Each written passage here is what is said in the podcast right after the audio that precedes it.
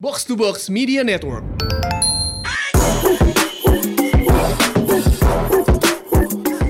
What up, what up? You're now listening to the most valuable basketball podcast in Indonesia. Box Out. Seperti biasa dipandu gua Ranaditya Alif. And I got Gemal Sidarta on my right. What's up? Yo, what up, what up? What up? Thank you udah bawa tahu kriuk. Lo tau gak sponsor. sih? ya, tulus malah ya. Kita tidak eh, di endorse eh, apa pun sama tahu. Hari ini tahu go. Gue biasanya tahu yes.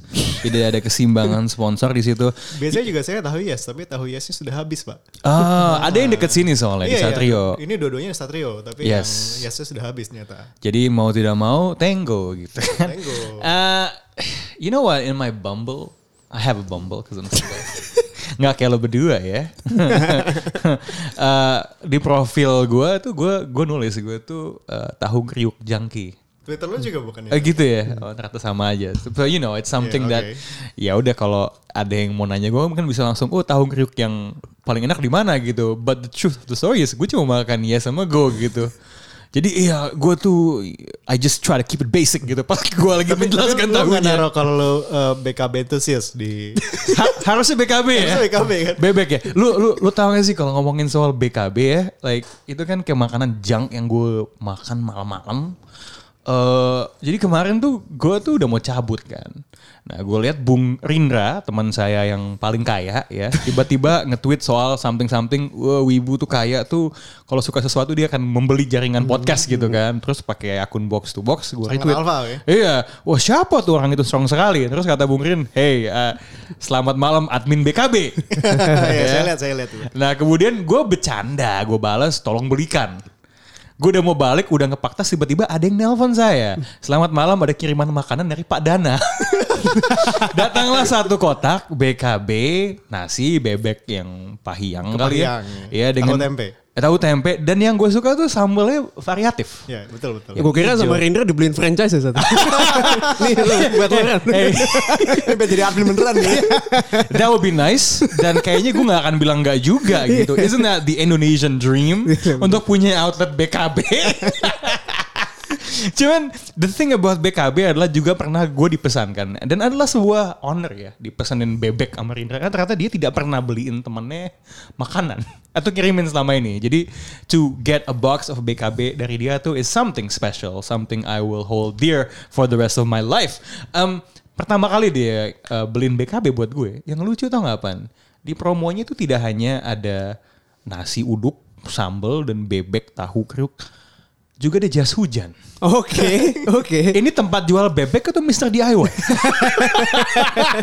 anyway, juga ada Tufel Muhammad. He Hey. is back setelah honeymoon. How's up? life, Tufel? Ya gitu-gitu aja sih sebenarnya, nggak jauh berbeda. Oke, gue mau jadi tante lu dan nanya udah isi. On progress. Gue lagi jadi melo sekarang. Volume shooter nih. Volume shooter nih. Back to back nights ya. Tufel. Back to back nights. Begitu udah halal, he is just fucking like a dog. Tapi ya, you seem to be enjoying the life. Um, lo honeymoon ke Bali ya? Ke Bali. Dan eh, lu mungkin teman-teman yang di grup box udah tahu atau mungkin kalau lo follow. By the way, kalau lo belum follow sosmednya Tufel, please follow him. Eh, Lu bikin stiker ala Lebron ya? Yes, I did, I did. Ya. Itu sebenarnya udah ter-planning sebelum berangkat honeymoon nih gue kayaknya ada di You planned it. I planned it man. Karena lu tahu di Bali ada kolam. Ada kolamnya dan kolamnya kayaknya layoutnya cocok. Kayak mirip. plan. Lu jadi lu milih hotel itu berdasarkan kolam. Yes, yes. Ini ada potential Instagramability, potential engagement. Itu Itu- content creator. Walaupun emang badan gue nggak setone LeBron James, beda jauh. Ah. Jadi kalau misal, fun, jadi kalau misalnya nih kayak scout di NBA lu melakukan apa ya scouting report terhadap Iya hotel. betul.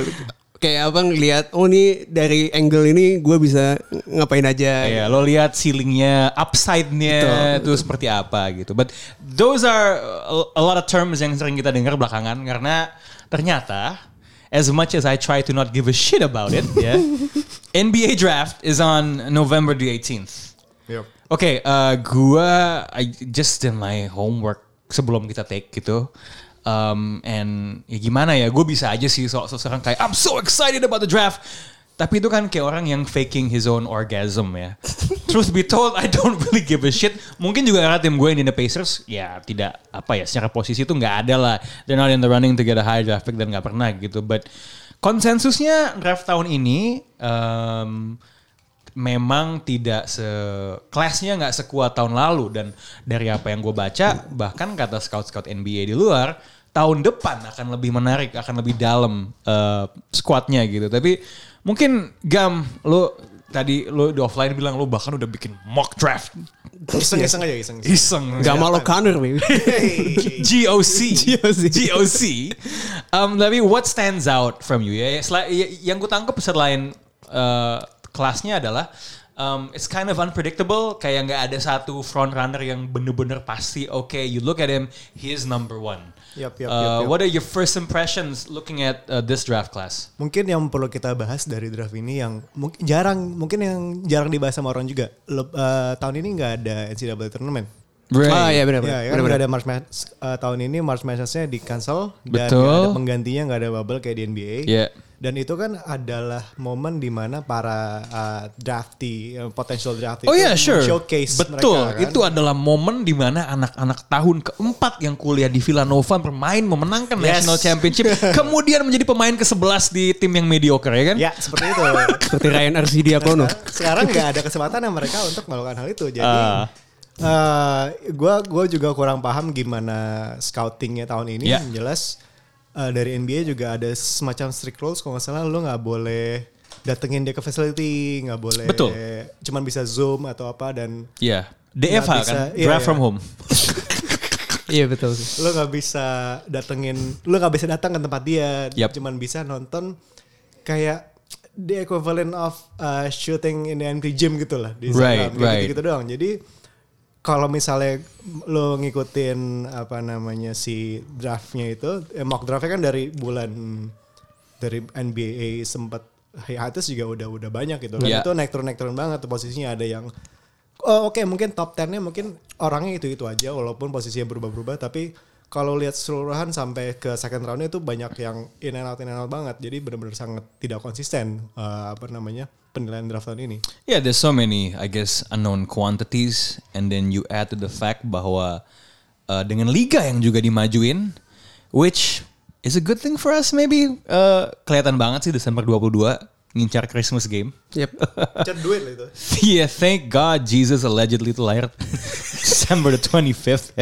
itu itu pop, pop culture sebenarnya. right, right, right. Kalau Kalau aslinya dia lahir di summer kalau nggak salah. iya atau atau Dia- atau Jesus himself gitu. kalau nggak salah kalau menurut orang Advent every Saturday is born.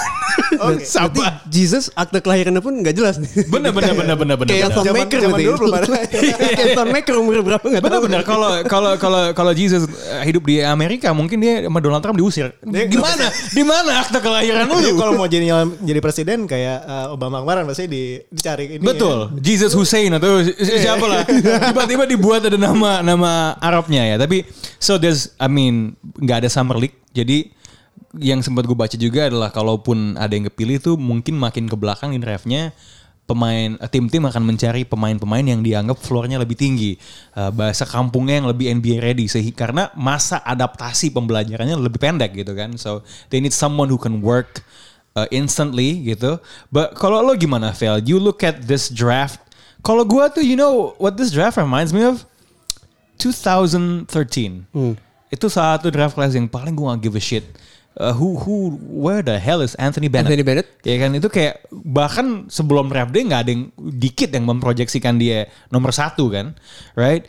But at the same time in that draft class you also had Giannis Antetokounmpo and I think Rudy Gobert, uh, Oladipo, right? So kalau lo ngeliatnya gimana? Apakah ini first impression yang sebenarnya hmm, siapa tahu ada hidden gem hidden gem di sini? Iya benar. Sebenarnya poin yang udah lu bilang tuh udah udah cukup menggambarkan secara garis besar sih apa draft seperti apa yang akan kita lihat nanti dan Gamal juga udah bilang tadi dengan adanya nggak adanya NCAA turnamen itu juga pengaruh banget buat scouting. Buat interview pemain pun juga lu nggak bisa karena itu kan lumayan faktor yang penting juga dibandingkan skills. Lu juga nge-interview pemain personality seperti apa. Why is, apa. why is interview important? I mean ini kan lu bukan lagi ngelamar kerja di sebuah startup. Benar. By the way, lo coba nonton The Startup yang di Netflix ya. It's a pretty damn good drama Korea, man. Lo and uh, mention ke box lo tim uh, Han Ji Pyong apa Nam Do Sang ya? Yeah, so you were saying interview. Iya, interview itu penting menurut gue karena lu bisa tahu eh, gimana dia tuh eh, Zodiaknya apa gitu.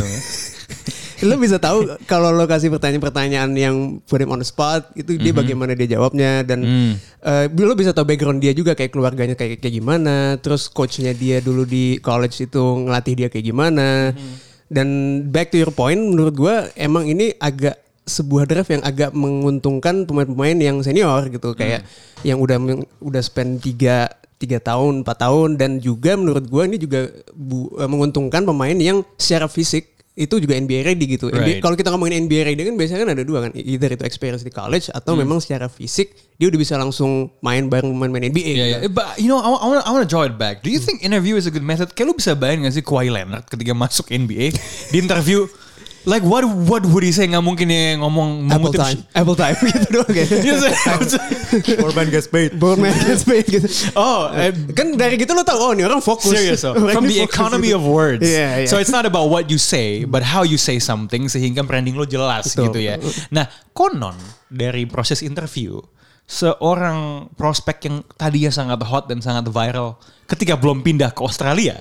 LaMelo Ball was pretty high. But I am hearing, kalau kata Kevin O'Connor, uh, he's been struggling di interviews dan ada peluang bahwa dia akan melorot. Di mock draft lo, LaMelo Ball, G, itu ada di posisi berapa? Coba gue cek dulu ya. Gue lupa. Shit. Him on the Nomor notes. Satu justru. Satu. So the Minnesota Karena- T-Wolves. ya, karena ini kan gue membuat mock draft ini berdasarkan eh, mock draft mock draft yang lain kan. Gue ngeliat Oh. scouting report scouting report yang Oh, ada. kirain eh, gut feel.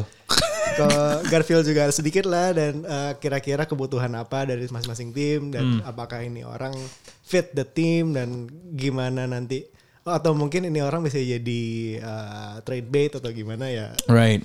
gue melihatnya sih uh, LaMelo Ball dari dari melihat apa namanya berita-berita tentang si Timberwolves akhir-akhir ini yang awalnya kan gue mengira mereka bakal nge-trade si one one pick ini kan. Yeah. Tapi ternyata gue baca reports hari ini ada yang bilang kalau mereka bahkan mencari draft pick lain untuk untuk uh, trade up gitu. Dia mau mau nge-trade si Jared Culver ke Hawks untuk dapat pick number 6 juga. Oke. Nah, itu- Jadi untuk dapat dua di top 10 gitu ya. jadi mungkin mereka akan mencari orang yang cocok untuk dengan eh, yang dengan roster sekarang gitu. Hmm. Kalau gue ngelihat eh, konsensus yang salah satu yang paling dom- yang sering dipilih nomor satu kan si Anthony Edwards itu kan. Right. Gue ngelihat videonya, gue ngelihat eh, gue baca tentang dia, gue nggak ngerasa dia cocok main sama D'Angelo Russell. Okay, now let's talk about fit ya. So that means di satu tuh uh, uh, debatnya adalah antara Anthony Edwards from I think he's from Georgia Tech, right? Georgia. Or I forgot the technya atau enggak. Melawan um, Lamelo Ball. Sama si James Wiseman juga ada beberapa Wiseman, yang masih right? naruh. But let's talk about the fit di Minnesota. Siapa yang menurut lo lebih fit di samping D'Angelo Russell? Gue akan bilang Anthony Edwards karena menurut gue Anthony Edwards itu secara fisik udah NBA ready. Dia itu eh, kalau secara fisik itu mirip kayak siapa ya? Siapa? Kayak, kayak em, dia tuh six six five I think dan He's badannya 6'5". gede. Oh yeah, Kayak- he's like a linebacker. Iya, iya, American football. Iya. Yeah. Melo 6'7 bro. Six eight kalau nggak salah Lamelo itu. Iya, gede Six seven itu tinggi. Cuma juga. kan tidak tidak terlalu berotot dia. Betul. Jadi badannya tuh berisi banget Iya. dan lu bilang kayak football player. Nah, menurut gua fit yang paling bagus itu eh, lebih bagus itu adalah Anthony Edwards karena menurut gua kalau backcourt Minnesota udah ada D'Angelo Russell ditambah sama Lamelo Ball itu kayak pintu cowboy man. Pasti pemain-pemain tuh udah lewat-lewat aja gitu. Defense nihil. Gak ada defense sama sekali itu. Iya. Tapi memang Ant- Anthony Edwards defense bagus ya. Uh, he has the tools. Dia betul menurut gue ya Iya. Dan menurut gue uh, pemain yang lebih bisa diajarin defense dan akan proyeksinya akan mengetahui teknik-teknik defense dan mengaplikasikan ke lapangan itu lebih mending si Edwards dibandingkan Lamelo. Oke, kita punya perbedaan pendapat di sini. Iya. Ji, jadi lo ngerasa bahwa terlepas dari kehebatan defense atau potensi defense Anthony Edwards, lo merasa offensive wizardry dari LaMelo Ball tuh akan menutup itu. Because kalau dilihat kan what he is offering adalah eh, apa namanya, he can see passes yang pemain NBA tuh bahkan mungkin sampai udah pensiun they they, they can't do. Yep. Nggak, tapi tapi bener. Sorry sorry. Very simple, yeah. Iya, iya. Enggak maksudnya kalau kalau kita lihat komposisi sekarang dia backcourt sama si D'Angelo Russell, D'Angelo Russell mainnya lebih apa namanya driving cutting gitu kan Iya. yang, yang speedster gitu sementara Hmm. Ball gue merasa dia akan lebih komplementer dengan uh, passing-passing dia yang ajaib dan bisa ngelap-ngelap ke si Cat juga dan melihat uh, siapa namanya Lonzo abangnya Mhm. kan juga um, entering the draft dia juga scouting reportnya mirip-mirip kayak Lamelo tapi Hmm. sekarang kita lihat juga akhirnya Lonzo bisa menjadi defender yang baik gitu dengan Iya. frame dia yang gede tangan yang panjang harusnya Lamelo juga mudah-mudahan bisa So you think itu. Lamelo can develop into a defensive player? Iya, Oh, he yang yang ya, lumayan. sama sih sama sih the Interesting, interesting, interesting. Eh, tapi bener sih, menurut gua kalau ini kita nggak ngomongin fit ya, menurut gua kalau kalau kita ngelihat purely on the upside, gua akan pilih Lamelo gitu. Lamelo. Lamelo menurut gua punya upside lebih tinggi dibandingkan Anthony Edwards. Right. Karena menurut gua tuh kalau eh, dalam masalah team building ya, kalau ngelihat eh, filosofi ngebangun, gua tuh lebih suka cornerstone pemain gue yang pemain yang punya banyak flair gitu, yang Hmm. yang Flashy. flashy dan bisa create something out of nothing gitu. Nggak, wah, defense emang dia itu busuk. Cuma menurut gua kalau dijadik dia kalau gua tim jelek nih kayak Charlotte, kayak Chicago Bulls, Hmm. gua kalau punya gua gua bisa naik dan bisa dapetin Lamelo dan gua kasih tim gua buat ngelilingin dia, itu gua lebih suka itu dibandingkan gua harus milih pemain yang safe kayak si, uh, Anthony Edwards atau kayak How good of a shooter do you think Lamelo is ya? Dibandingin Anthony Edwards. Karena emang Anthony Edwards tuh nggak nggak wow juga shootingnya.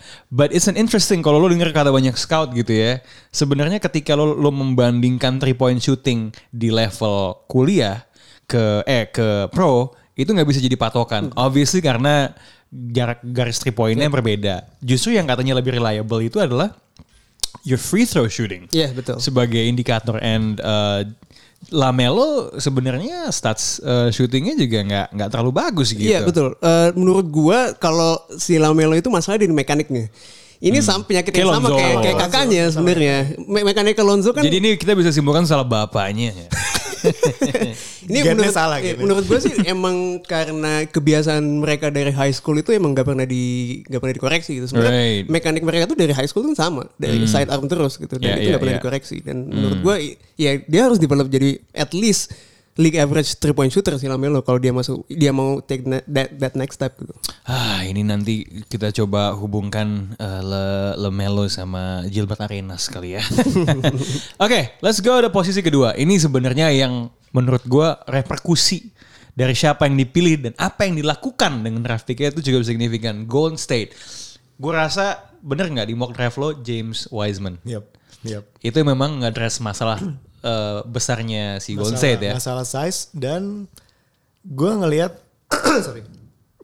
Kan kalau tadi kita ngomongin pemain yang NBA ready, James Wiseman ini juga badannya udah cukup NBA ready dan dia um, bisa lah dia contribute immediately di Golden State dengan role yang ya jadi rim runner atau dan dia juga uh, shooting ability-nya juga lumayan di untuk untuk ke three point mungkin di NBA nggak langsung translate tapi paling nggak dia bisa ngambil mid range jumper bisa jadi uh, four spacer dia untuk untuk si Golden State. Hmm. Lo setuju eh, kalau James Wiseman juga yang sebaiknya diambil sama Golden State? Gue sih prefer Golden State di posisi 2 itu trade down sih. Ya, gue juga sebenarnya situ sih. Trade down ke siapa? trade down ke siapa pun paling nggak menurut gua untuk lo punya di posisi nomor 2 gua pengen lo ngambil take home run swing gitu dan kalau ngelihat komposisi rosternya Golden State dan kalau dia milih Wiseman which is a good player ya James Wiseman cuma menurut gue gue takut itu cuma jadi rim rolling si James Wiseman cuma jadi rim rolling big aja Ya, gitu. kesian kesian dianya sebetulnya. Dia- Capella lebih besar gitu ya? JaVale McGee malah. Dan JaVale Oh, McGee iya rolling di yang di iya, iya. occupy dia sel- di Golden State beberapa Oke. tahun itu kan diisi dia dan itu which is not, it- itu sebenarnya bukan pemain yang jelek ya. Itu pemain yang Iya. bagus, pemain rotasi yang solid dan gue yakin juga kalau di playoffs dia akan dapat menit. Tapi kalau di posisi nomor 2 istilahnya itu bukan value yang bagus kalau menurut gue. Lo bisa nyari rim rolling big yang bisa main defense dan rim protecting itu di mungkin late first round atau mungkin undrafted pemain jilik lo bisa develop itu lo bisa juga. So if you trade down, what will Golden State be looking to get in return? Kalau gue sih menurut gue, eh, gue akan cari trendy wing atau pemain yang eh, ready untuk bisa setelah si angkatan trio Draymond Green, Steph Clay ini habis, siapa yang bisa ngelanjutin gitu? From the draft atau existing di NBA? Eh, dua-duanya of course. Dan Iya. Mungkin lu bisa explore buat, I don't know, mungkin trade Drew Holiday Hmm. atau lo mungkin bisa eh, eh, trade, who knows, mungkin dia akan mengambil Lamelo Ball pun gue nggak akan surprise. Oke. untuk si Warriors gitu. Hmm. Kan, eh, jadi menurut gue kalau secara value nomor 2 dan di kelas ini, di kelas tahun ini posisi nomor 2 tuh sebenarnya nggak terlalu valuable gitu. But but doesn't uh, first of all kan mungkin kalau ada satu glaring uh, posisi yang dia paling lemah kan mungkin di posisi 5 gitu kan. And you get someone with high upside. And dia akan masuk ke sekolah uh, tinggi pertahanan Raymond Green kan. Yeah. Uh, isn't that something good? I mean, look, if they have James Wiseman, how do you think they match up against the Lakers? Eh, that's an interesting question sebenarnya. Eh, sebenarnya kalau di dia mereka dapat eh, James Wiseman matching up nah, itu dia di West itu kan lo harus bisa ngehandle Jokic sama ngehandle AD gitu kan. Dan menurut gue punya big man yang bagus itu emang nah tapi menurut gue sebagus-bagusnya James Wiseman di year pertama Right. sebagus-bagusnya sistem Golden State, gue nggak yakin itu adalah di clear cut answer si James Oke. Wiseman itu. Jadi ba- balik lagi posisi nomor posisi nomor dua ini gue nggak sangat beda banget sama tahun-tahun sebelumnya. Mhm. Jadi secara value gue nggak yakin mereka itu cocok untuk ngambil big man. Gua belum melihat main dengan trade machine. You have James Wiseman di dua, and then you already have Andrew Wiggins ya. How can you engineer something to get, say, Giannis Antetokounmpo someday? Obviously mungkin nggak sampai Giannis ya. Gue Ah. gue nggak mau trade Giannis terus tapi gue dapet Wiggins. I don't know. Mungkin lu bisa eh, dapet Drew, mungkin bisa dapet Bradley Beal. Tapi. Bradley Beal. Wizards harus lagi mabok banget untuk ngambil eh, Iya. number two pick untuk Iya. Hmm. ngedeal Bradley Beal gitu. Jadi dan sebenarnya susah juga lu mau trade down, tapi Iya. tim-tim yang di bawah tuh harus benar-benar jatuh cinta banget sama Lamelo Ball atau Wiseman gitu untuk untuk ngambil trade nomor dua itu. Jadi Iya. it's a, it's a pick apa agak-agak tricky gitu posisi nomor dua Iya, nya. soalnya draftnya lumayan rata talentnya. Rata, jadi, betul, Jadi nggak, ya kayak lo bilang tadi, si, uh, value pick number 2 ini di gol tangan Golden State nggak terlalu nggak terlalu bagus gitu. Kalau misalnya turun dikit dari nomor 2, mungkin ke nomor eh, 10 atau 11, ada big man lagi Onyeka Okongwu. Mungkin dia bisa pak- pakai itu eh, sebagai buat ngisi hole di big man mereka gitu. Oh. Menurut gue drop off-nya untuk sebuah peran yang akan dilakukan di sistem offense What you're trying to say is the role does not require someone with that upside. Yes. Gitu. Betul, betul. Okay, so trade down, maybe you can get more picks, you can get more for your team gitu ya as a whole. Atau lu paketin untuk uh, untuk trade tadi sama Andrew Wiggins ke Philly gitu sama Joel Embiid. Simmons. Sama sama gue juga By the way, James Wiseman does not look like he has the potential of Joel Embiid, but his size is actually a bit better ketika masuk ke Iya. NBA. Nah, tapi gue juga orang yang di aliran gue skeptis bahwa pemain big man yang masuk di NBA itu dengan dilatih akan tiba-tiba ngedevelop sebuah offensive game yang elite. Itu gue Right. gue nggak percaya itu. Kalau Kenapa lo nggak percaya itu? karena menurut gue secara historis Nggak ada persedannya. Sebuah big man yang elite tuh udah pas masuk NBA udah harus jago dulu bener Oh, bener-bener udah bisa three point gitu ya. Ed, nah Joel Embiid itu begitu baru masuk, lo udah kelihatan ini orang post up-nya gila level elite nih. Oke. Dan itu udah dia bawa pas masuk eh, masuk NBA. Jadi iya. size dan offensive itu udah sebuah istilahnya udah Ya dia tahu ketika dia masuk dia ceilingnya udah bukan DeAndre Jordan dan, gitu. betul dan be- udah beberapa steps ahead dibandingkan league average big man gitu. Ya ya oke oke oke. Let's go to number three. Siapa sih tim yang dapat pick number three? Uh, Hornets. Hornets. Oh Michael Jordan. So who is going in your mock draft? Di sini gue melihat ada kebutuhan untuk uh, big man sih Hmm. untuk si Hornets. Jadi dulu gue sempat naruh si James Wiseman di sini, tapi Hmm. karena dia he went number two, gue beol dong ya.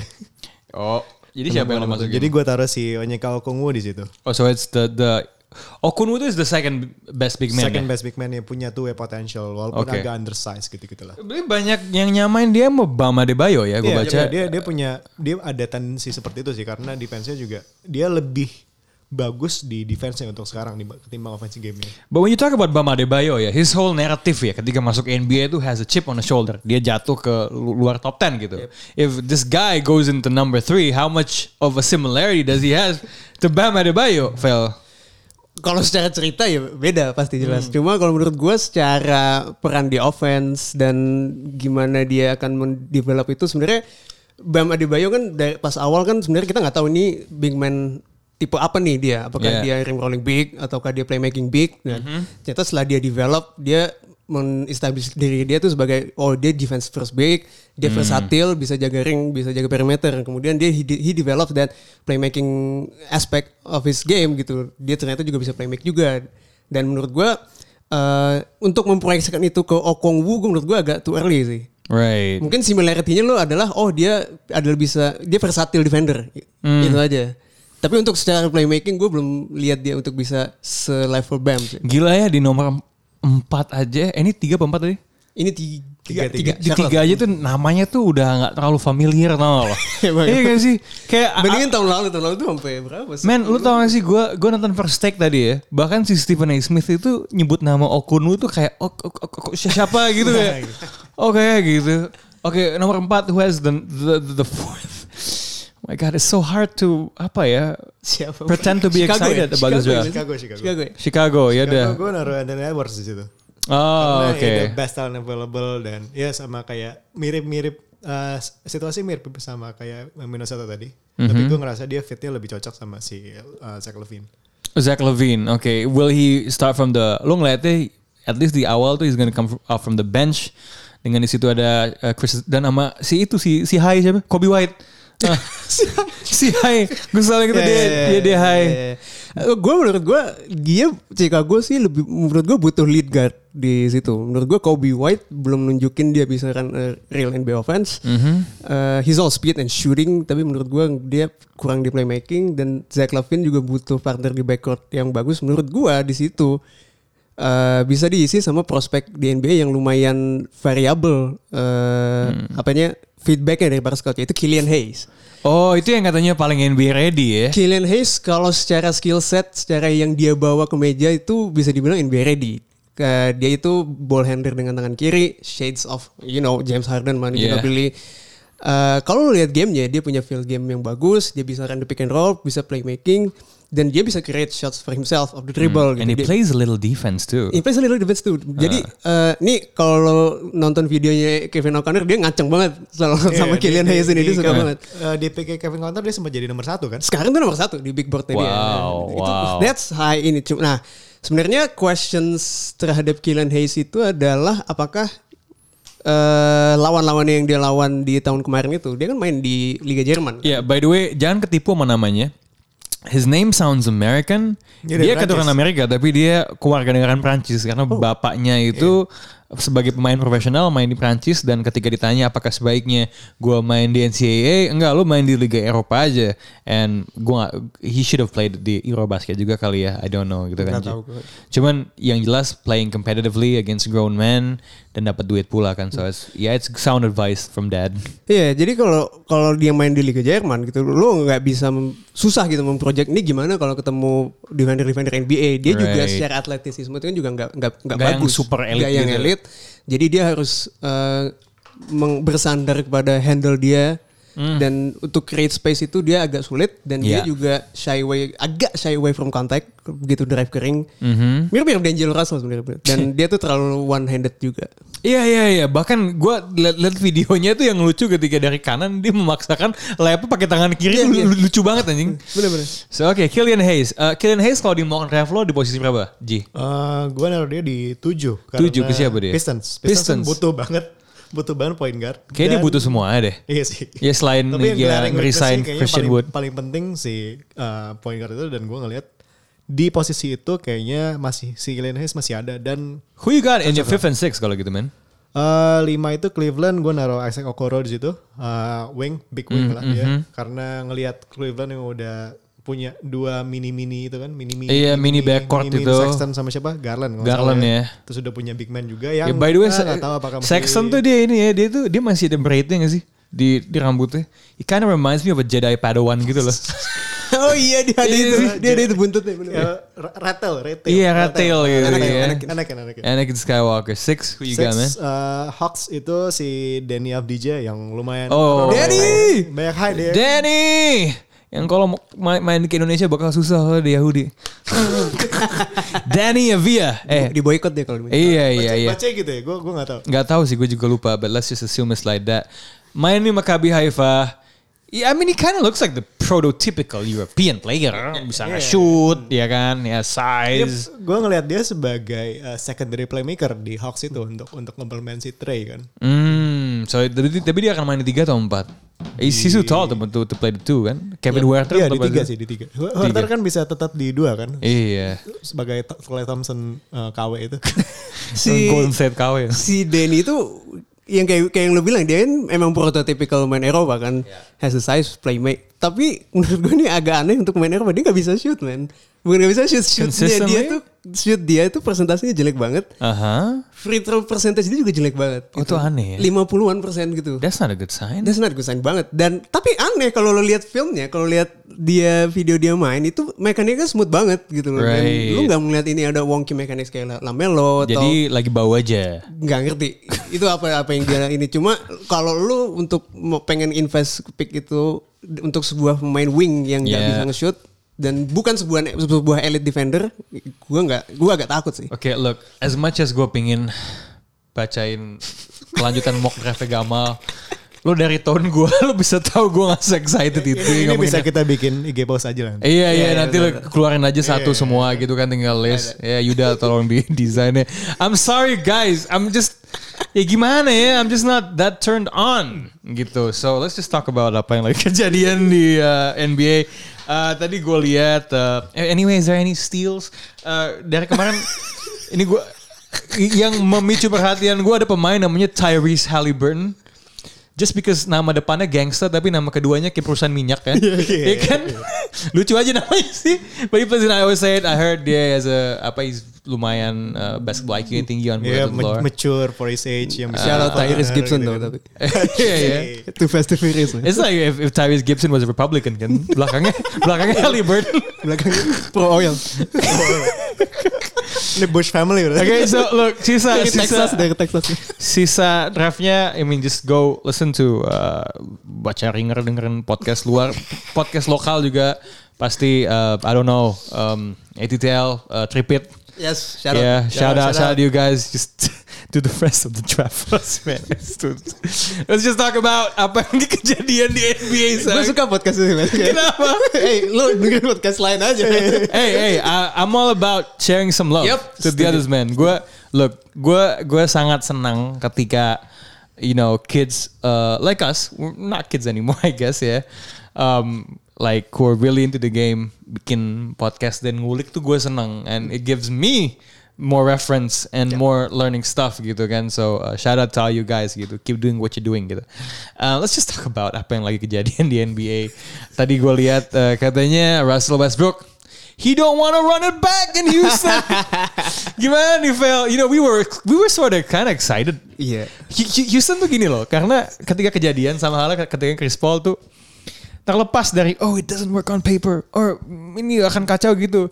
Ada elemen out of the boxnya gitu loh. Kayak kayak what the fuck gitu kan kayak so I'm kind of disappointed it didn't work. Tapi apakah dengan dia mau out it's the best thing for all parties involved? Iya menurut gue ya karena menurut gue kalau lihat situasi di Houston sekarang memang semua pertandanya tuh menuju ke arah rebuild gitu dan apalagi di akhir musim kemarin kan memang di zaman eh, di tenur akhirnya Daryl Morey dia udah all in lah istilahnya ke Westbrook. Ya. Gue trade starting center gue buat supaya dua pemain gue bisa Oh istilahnya iya, itu belakangan ya? Iya Iya, kan? Iya, kayak, iya. oh iya maksudnya Clint Capella, fuck it, let's go. It- itu dia. Dan ball. let's dan biarkan mereka berdua masak gitu Yeah. istilahnya si, di si Harden sama Westbrook dan nah. Tapi obviously it didn't end well. Dan lawan Thunder susahan lawan Lakers bener-bener kayak bener-bener diayam-ayamin lawan Lakers. Hmm. mereka sama sekali nggak punya upper hand. Dan kalau lo lihat report yang keluar di berita Westbrook ini sebenarnya ini menurut gua agak agak kaget ya. Karena menurut gua se, s- say what you want about Westbrook and his game dia tuh nggak pernah ada yang bilang that he's a bad teammate Hmm. dia nggak pernah ada masalah locker room kecuali Yeah. mungkin sama yang dibangun sama uh, Twitter versus KD versus Westbrook gitu mungkin nggak tahu. Hmm, yeah. Nah melihat adanya report yang bocor kalau ada pertanyaan tentang kulturnya Houston gitu loh. Yeah. Dan di mana Westbrook sendiri yang memimpin em, memimpin eh, Kudeta. kudeta tersebut gitu istilahnya. Eh, itu menurut gue agak jarang gitu. Ini gue gak pernah ngeliat ini di Westbrook dan Iya.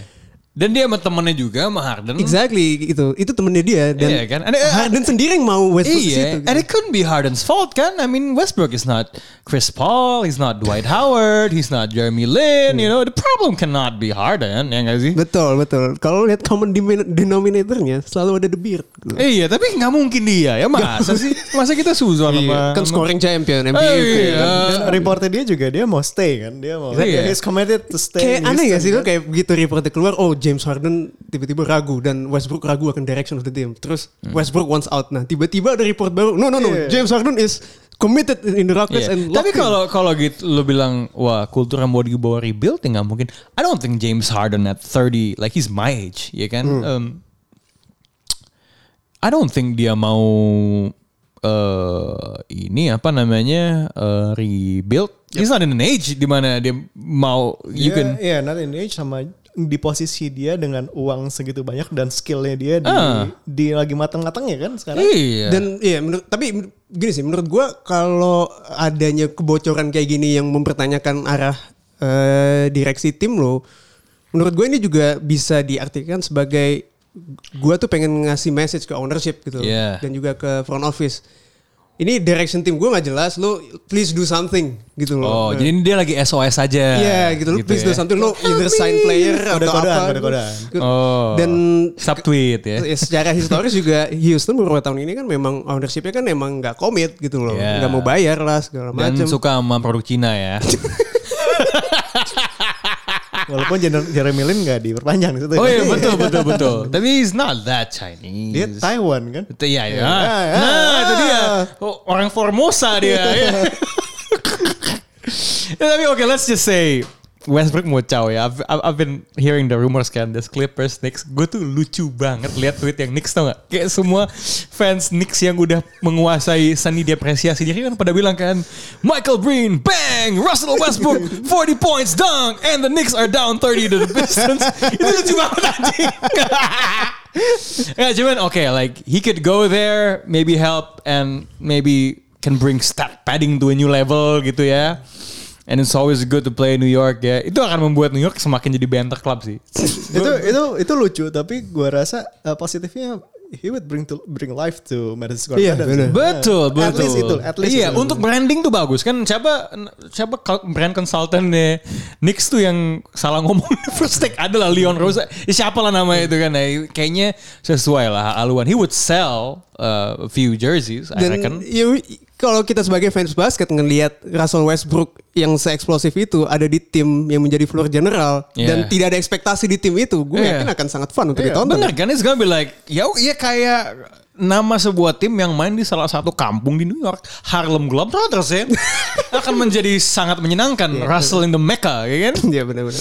Enggak, cuman oke, itu anjang-anjangnya ke sana. Ada juga rumor dia katanya bisa aja ke Clippers.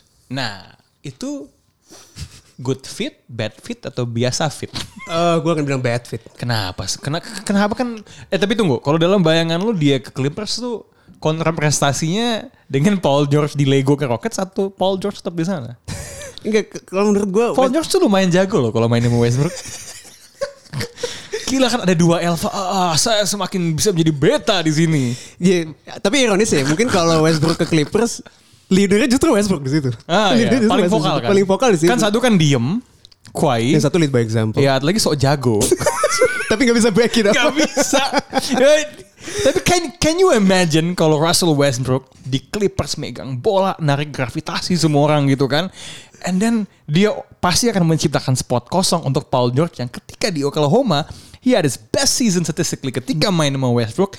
Gak mungkin nanti ketika di corner three Paul George dapat bola kosong di kick out sama Westbrook. Gak mungkin dia kena side of the board. Gak mungkin kan? Gak mungkin kan? Hey. Kayaknya sih gak mungkin ya. History repeats itself, man. Iya iya. Kena side tuh lucu banget anjing. Maksudnya lu eh, masih mending airball anjing. Daripada Lu di corner, lu di Iya, corner. iya. Secara statistik itu adalah three point yang paling probable. Jaraknya lebih dekat gitu kan. Kalau bisa kena side ball itu gimana?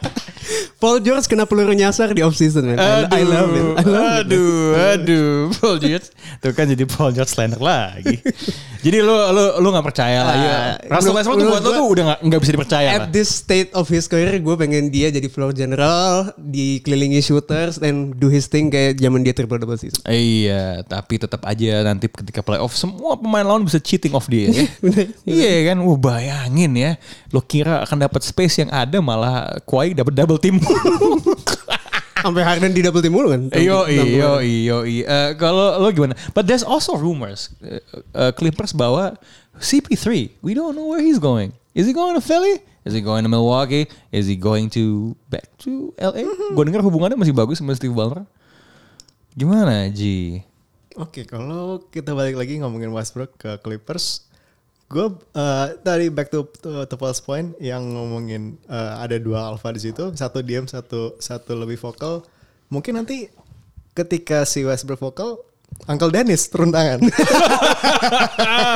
itu itu drama yang drama yang gue nantikan kalau misalnya.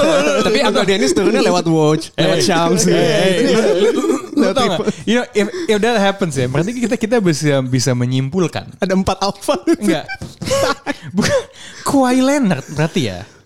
Kelakuan beliau itu sebenarnya seperti handle teman saya Bung Rindra. Eh. Karena kalau memanggil uh, Uncle Dennis, Uncle Dennis kan om kan. Maka Kawhi Leonard tuh at ponakannya om.